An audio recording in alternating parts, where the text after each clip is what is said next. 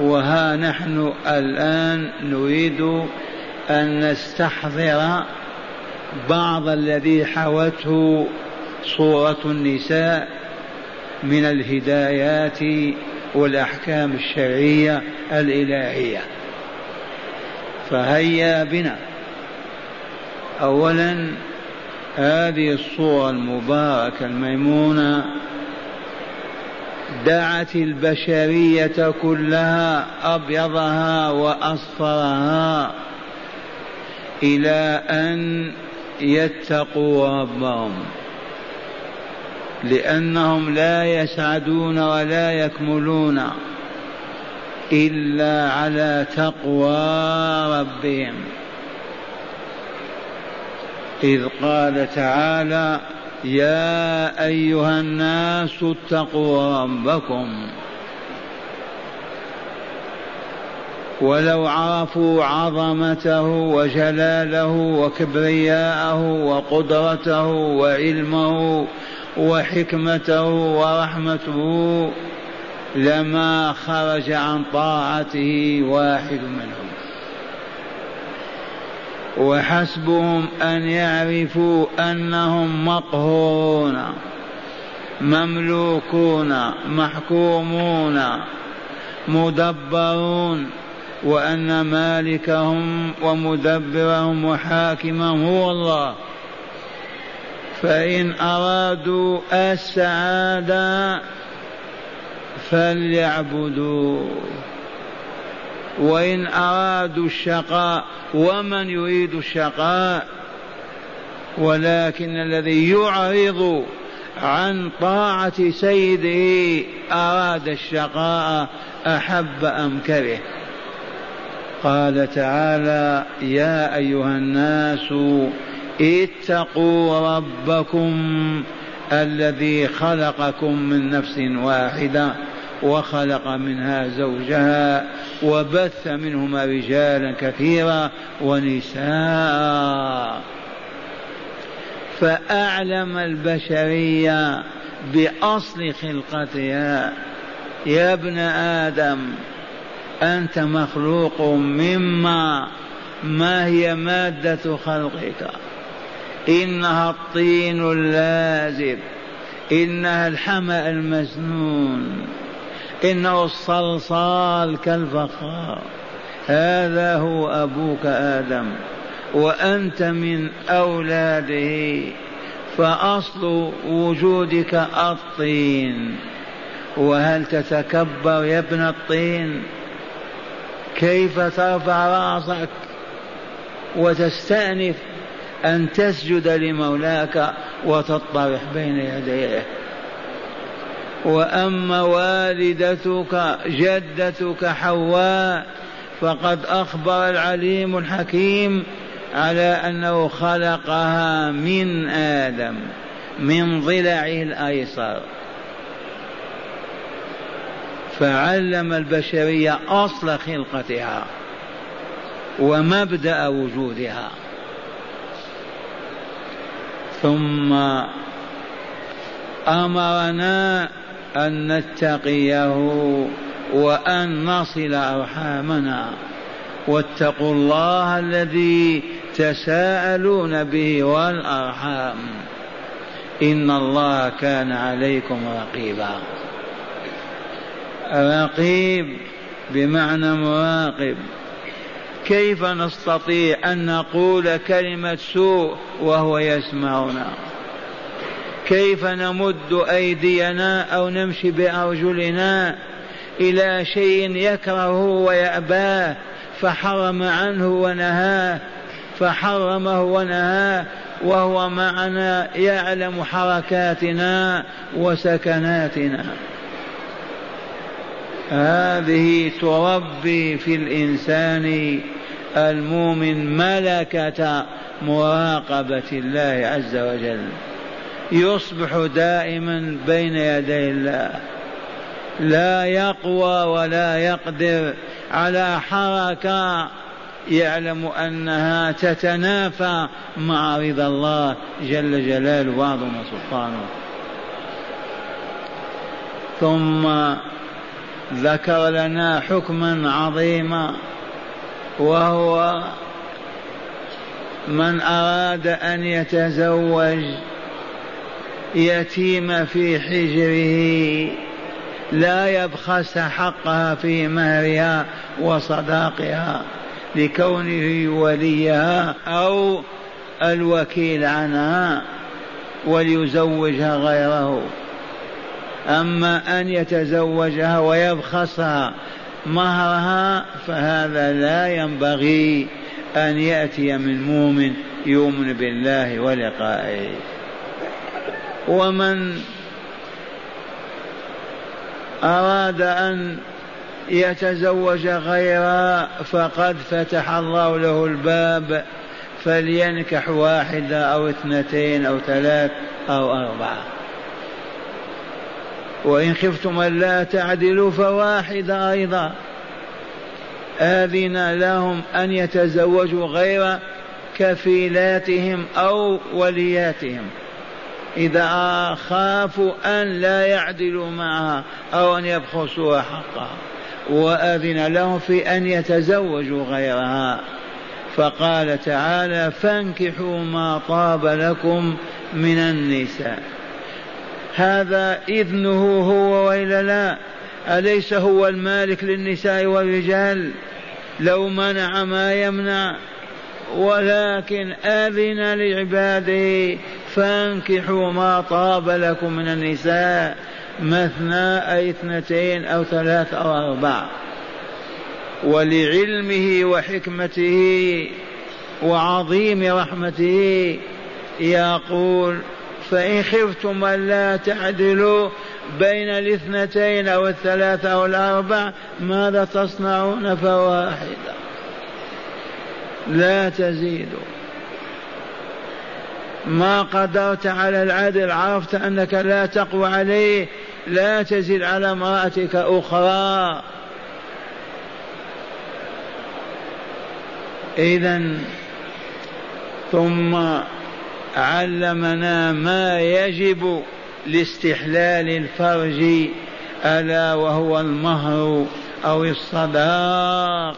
إذا لا بد لمن أراد أن يتزوج امرأة بيضاء وإلا صفراء لا بد من مهر يقدمه لها وله أن يؤجله بعلمها ورضاه هذا المهر لا بد منه وآتوا النساء صدقاتهن نحلة أركان النكاح أربعة. بدون هذه الأركان النكاح فاسد. باطل زنا عهر هذه الأركان الأربعة من بينها المهر. وباقي الأركان الشهود. لا بد وأن تشهد اثنين من عدول المؤمنين. على أنك تتزوج فلانا. ومن هذه الأركان أيضا الصيغة. كأن تقول فلان زوجني بنتك أو وليتك.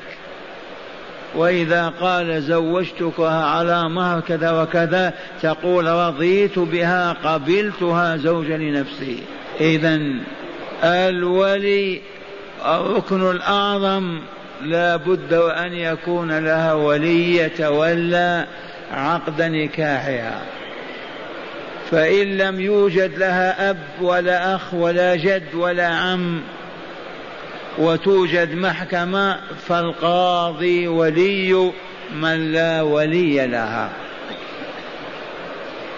فإن انعدم القضاء في صحراء وفي قرى فابن الخطاب عمر رضي الله عنه, عنه يقول فليتولى عقد نكاحها ذو الرأي من عشيرتها. صاحب الحصافة العقلية والرأي السديد والوفاء والكمال من أهل البلاد يتولى عقد نكاح هذه المؤمنة. ينوب مناب القاضي لانعدامه. إذا وجاءت الأحكام الإلهية التي تسعدنا وتكملنا لو آمنا بها وعرفناها وطبقناها في حياتنا. يقول ولا تؤتوا السفهاء أموالكم التي جعل الله لكم قياما وارزقوهم فيها واكسوهم وقولوا لهم قولا معروفا. الدنيا الآن كلها قائمة على المال. المال قوام الأعمال. المال كفر الناس من أجله ارتدوا من أجله باعوا دينهم من أجله باعوا أعراضهم من أجله حاربوا قتلوا وسفكوا من أجل المال. و و المال المال. والقرآن الكريم وضع قواعده للدنيا بما فيها. المال أموالكم التي جعل الله لكم قياما. المال قوام الأعمال. ماذا تصنعون؟ قال لا تعطوه السفهاء كالمرأة التي لا تحسن التصرف وكالولد والرجل الذي لا يحسن التصرف. لو نعمل بهذه فقط ما افتقرنا. من هو السفيه هذا؟ سفيه العقل الذي ما يحسن التصرف. والآن تستطيع أن تقول كل المبذرين والمسرفين في المال هم ممن نهى الله عباده أن يعطوهم أموالهم. الحجر عليهم.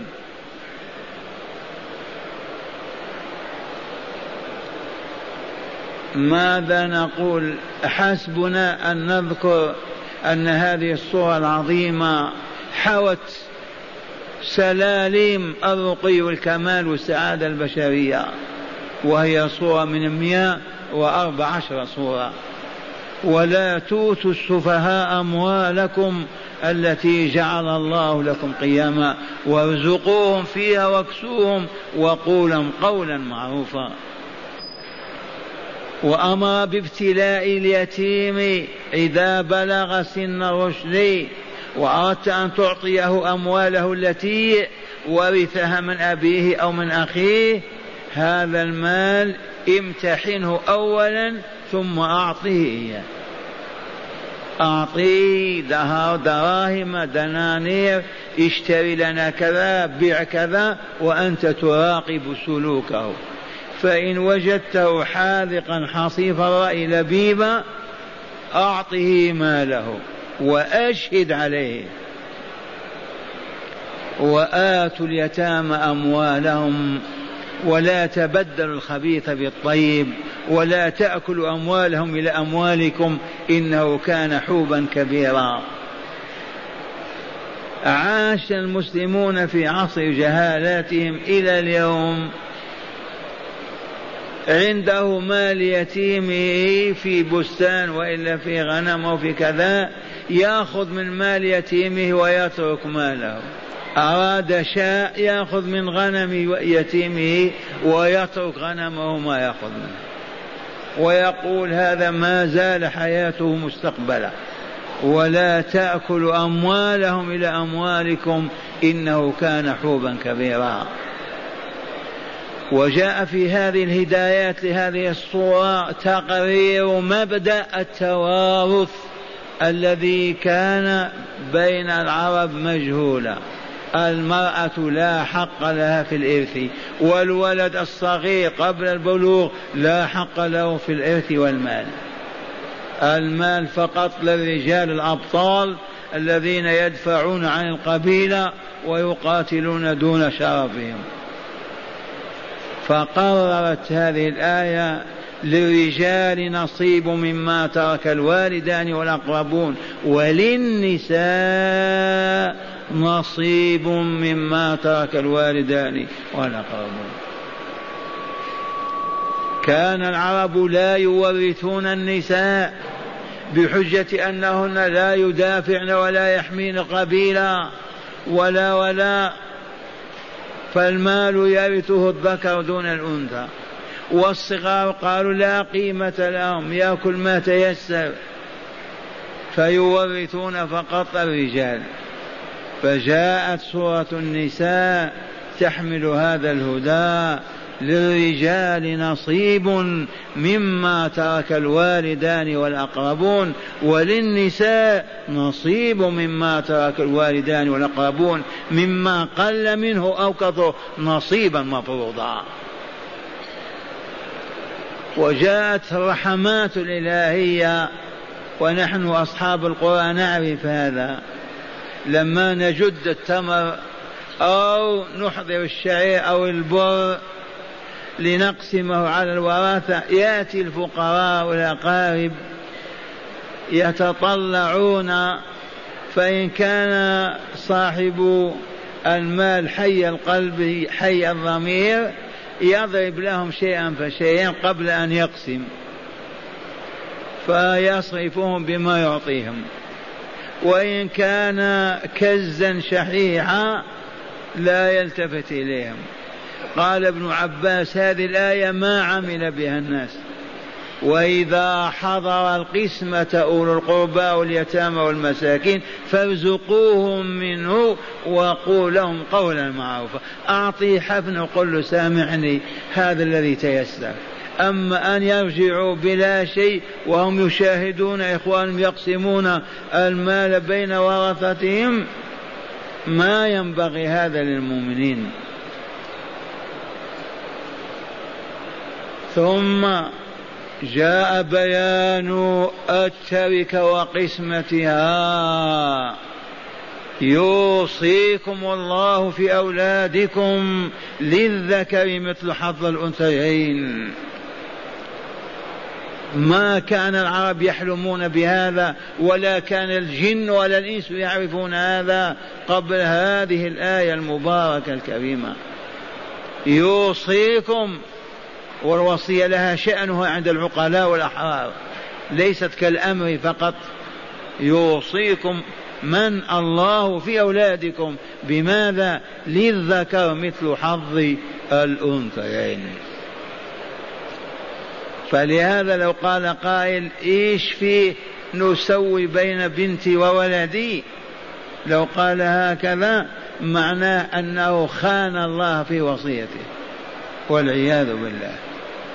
يوصيكم الله في أولادكم للذكر مثل حظ الأنثيين ثم بين كيف تقسم التركة مع الأولاد إذا توفي الوالد وترك الأولاد. ثم بين وراثة المرأة من زوجها كم ترث منه كم يرث الزوج من امرأته.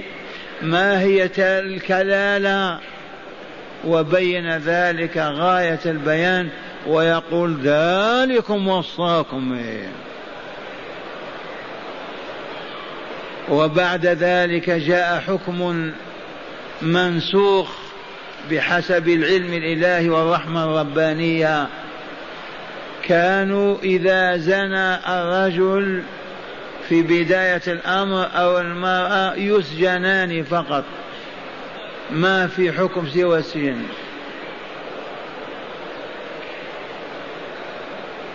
واللذان يأتيانها منكم فآذوهما فإن تاب وأصلحا فأعرضوا عنهما إن الله كان توابا رحيما. وما هي إلا فترة من الزمن حتى قال الرسول صلى الله عليه وسلم خذوهما عني خذوهما عني الثيب الزاني جلد مئة والرجم بالحجارة. فنسخ الله هذه الفترة حتى تهيأت النفوس للحكم على الزناة بين الناس. واللاتي ياتين الفاحشة من نسائكم فاستشهدوا عليهن أربعة منكم فإن شهدوا فأمسكوهن في البيوت حتى يتوفاهن الموت أو يجعل الله لهن سبيلا. فجأة نزلت الشيخ والشيخة إذا زنيا فارجموهما البتة نكال من الله والله عزيز حكيم. الزانية والزاني فاجلدوا كل واحد منهما مئة جلدة. فقال رسول خذوا عني خذوا عني. قد بين الله الطريق. إذا وتتوالى الأحكام وبيانها في سورة النساء المباركة الميمونة. فجاء بيان التوبة. يا عباد الله عجلوا. الذي يباشر المعصية ويتعاطاها هو في أخطر الظروف والأحوال. قد يموت على الفور فلا ينجو أبدا ولا يسعد. والتوبة في صالح المجتمع ليست في صالح الفرد فقط في صالح المجتمع. التوبة يقول تعالى وقوله الحق إنما التوبة على الله للذين يعملون السوء بجهالة ثم يتوبون من قريب فأولئك يتوب الله عليهم وكان الله عليما حكيما. التوبة هي الرجوع من مبات الشر وموطن الفساد إلى مكان الطهر والصفاء. التوبة هي ترك المعصية التي يباشرها عبد الله أو أمته سواء كانت ربا أو زنا سرقة أو خيانة غشا أو خداعا ترك واجب من الواجبات غشيان محرم من المحرمات. العودة إلى الطريق السوي إلى ساحة الطهر والصفاء ورضا الله عز وجل. انفض يديك عبد الله وأعلنها أستغفر الله أستغفر الله أستغفر الله. وكلك عزم على ألا تعود لهذا الذنب أبدا. ما حييت؟ لو تاب أهل المدينة الآن لتغير الوضع في صورة عجب. التوبة إصلاح الفرد وإصلاح المجتمع بكامله. لأن هذه الذنوب أصابت الآخرين. أنت تزني وأصبت ذاك الذي زنيت بامرأته أو ابنته. إذا هذه التوبة في هذه الآية الكريمة يقول تعالى إنما التوبة على الحق الصحيحة المنجية المزكية المطهرة. ما هي؟ للذين يعملون السوء بجهالة. ما قال يعملون الزنا أو ربا أو يقتلون النفس أو كذا أو كذا؟ أمور عديدة. قال السوء. ما هو السوء؟ روح للطبيب الجثماني يعلمك السوء في بعوضة تل تلسعك عقرب تلدغك ريح شديدة حارة تؤذيك برد كذلك شبع يقعد بك جوع يحطمك يعلمك السوء في بدنك.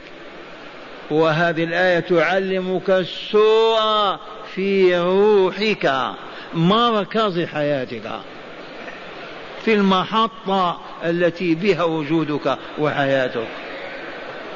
السوء ما يسيء إلى النفس البشرية.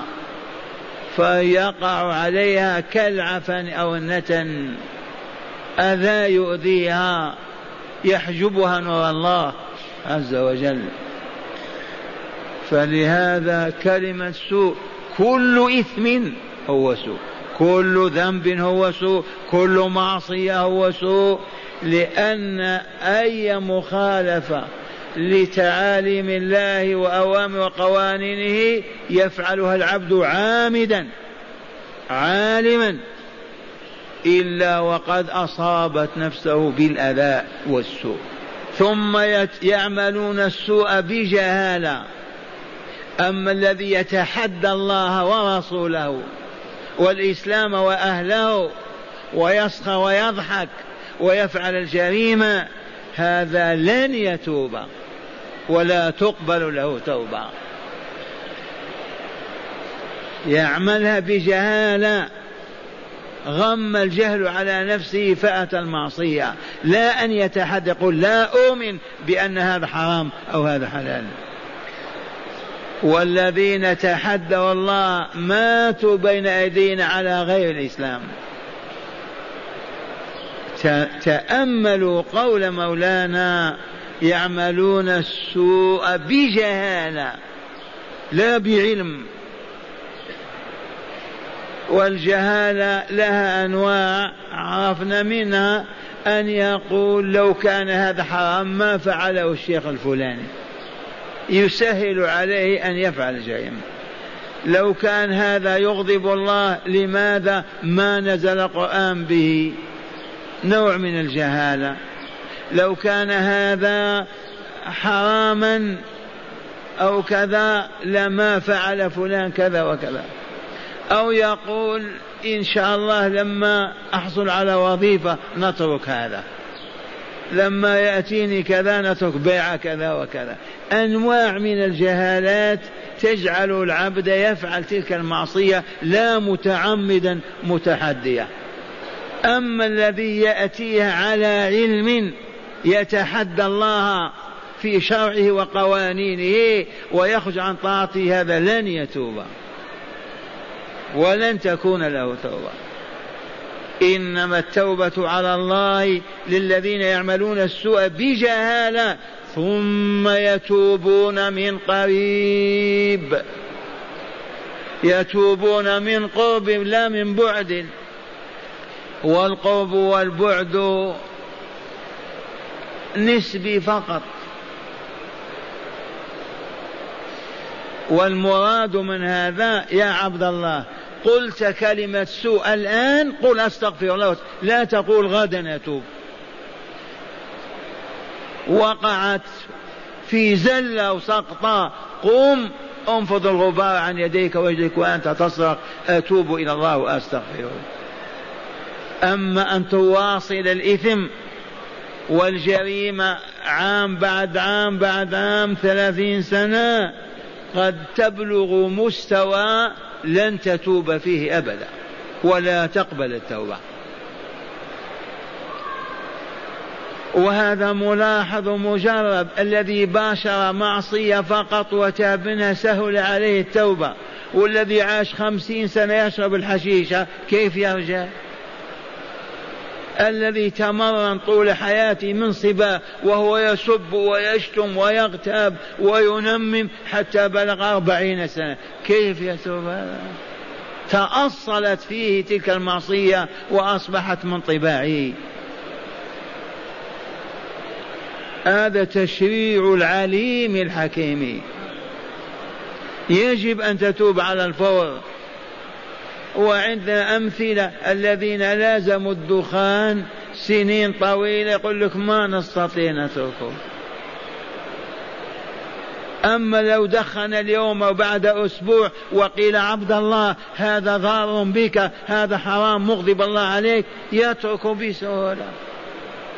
بخلاف إذا تضلع فيه وتمكن منه. وحسبنا أن يقول العليم الحكيم ثم يتوبون من قريب فأولئك يتوب الله عليهم وكان الله عليما حكيما. جاء أيضا في هداية هذه الآية بيان عادة جاهلية مسحها من ديوان أهل الجهل. كان الرجل إذا تزوج أبوه ومات عن امرأته الولد يرثها. إن شاء زو... تزوجها هو أو زوجها وأخذ المهر. هكذا كان العرب في جاهليتهم. يا أيها الذين آمنوا لا يحل لكم أن ترثوا النساء كرها ولا تعضلوهن لتذهبوا ببعض ما آتيتموهن إلا أن يأتين بفاحشة مبينة. فأبطل الله هذه العادة نهائيا. مات أخوك امرأته تنتهي عدتها وتتزوج من شاء ومهرها لها. لا لك أنت لأنها مرت أخيك ومات عنها. وكذلك امرأة أبيك مات أبوك عن مرأة لا حق لك في أن تزوجها وتأخذ المهر أنت. أو تعضلها وتمسكها. ابقي اشتغلي ما تتزوجين لأنك موروثة لنا. يا أيها الذين آمنوا لا يحل لكم أن ترثوا النساء كرها ولا تعضلوهن لتذهبوا ببعض ما آتيتموهن إلا أن يأتين بفاحشة مبينة. ثم جاء التعليم الإلهي في تصحيح قاعدة الأسرة فبين تعالى محرمات النكاح. فبدأ بامرأة الأب ولا تنكحوا ما نكح آباؤكم من النساء. امرأة أبيك حرام عليك وإن لم ترضعك وإن لم تتربى في حجرها ما دام قد وطئها والدك فهي كأمك. سواء كانت شرقية أو غربية.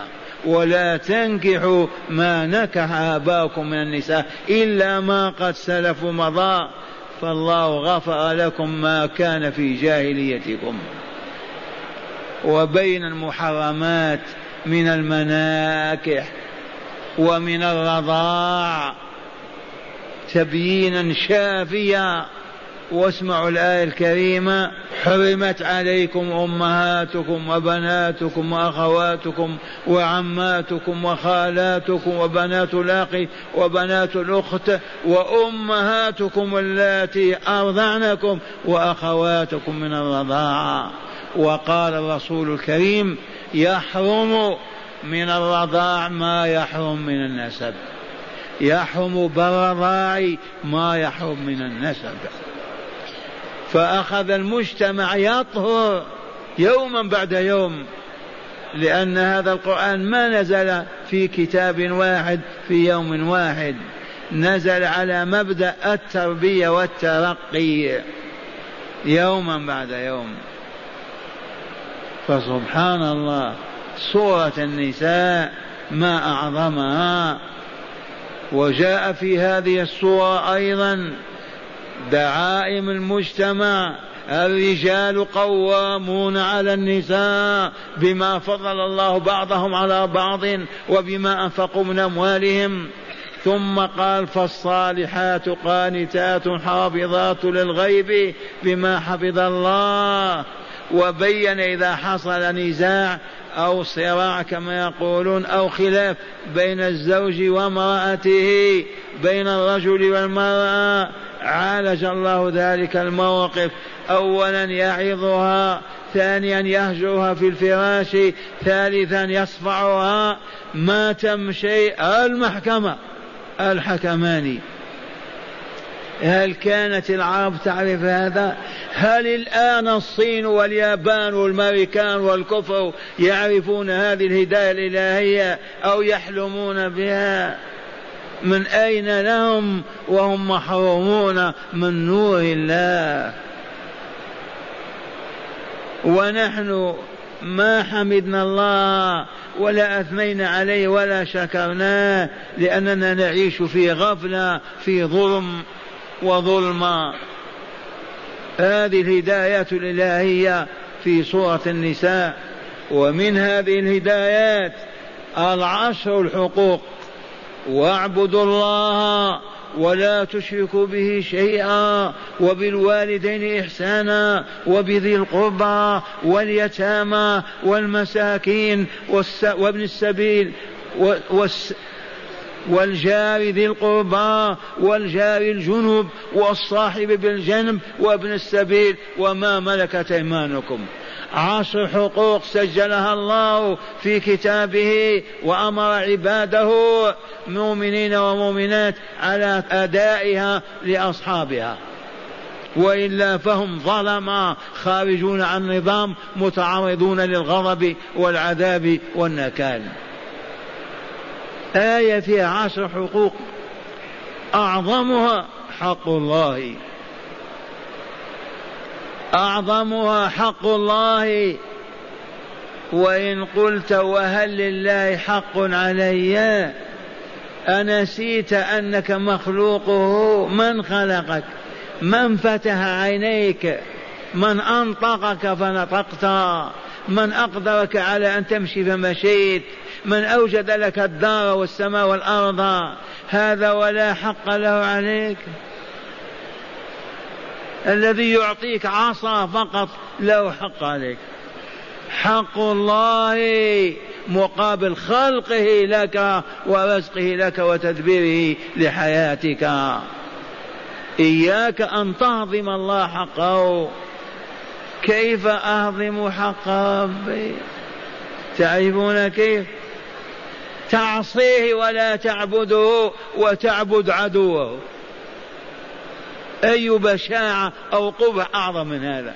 خالقي رازقي مدبري المفتقر إليه في كل لحظة من لحظات حياتي أعرض عنه ولا أذكره ولا ألتفت إليه وأطيع عدوه إبليس. يسوقني كالنعام لمزاجر البشر ومفاسد الحياة. هذا وثاني حق حق الوالدين أنت من نطفة ما يبيك. أمك حملتك تسعة أشهر وأنت في بطنها. تحول دمها إلى ماء إلى لبن حلو أبيض تشربه. تنسى هذا الحق وتسبها وتشتمها وتفضل امرأتك عليها ويضربون أمهاتهم وآباءهم والعياذ بالله. ما عرفوا ماذا تحمل هذه الصورة من هداية؟ ماذا تحمل؟ يقول تعالى إن الله لا يظلم مثقال ذرة وإن تك حسنة يضاعفها ويؤتي من لدنه أجرا عظيما. خل هذا النور في قلبك. الله لا يظلم عبده مثقال ذرة. أدق ما يقال فيه في الميزان. وإن تك لك حسنة واحدة يضاعف إلى عشرة إلى سبعمائة. أي كرم أعظم من هذا؟ أي فضل أعظم من هذا؟ أي إحسان أعظم من هذا؟ وتستحي أن تقول الحمد لله. الحمد لله الحمد لله والله لو تقولها طول النهار في الشارع ما وفيت الله حقه. والبشر البهائم ياكل الزبده ما يقول الحمد لله يشرب العسل ما يعرف الحمد لله ياكل ألذ الطعام يلبس احسن الثياب ما يعرف الحمد لله من سقاك من كساك من آواك من أطعمك. اذكر يا هذا اخرج من دائرة البهيمة أنت آدمي. اذكر هذه الآلاء وهذا النعم واحمد المنعم. الحمد لله الحمد لله. وقد ذكرت لكم تذكيرا موعظة حضرنا غدا عند أستاذ في بريدة. والد الأستاذ شيخ كبير مثلي. والله ما إن وضعت السفرة وأخذنا نأكل الطعام. والوالد الحمد لله الحمد لله الحمد لله الحمد لله حتى فرغ الآكلون من الأكل. من هم الحمادون؟ نحن والحمد لله أمة الحمد.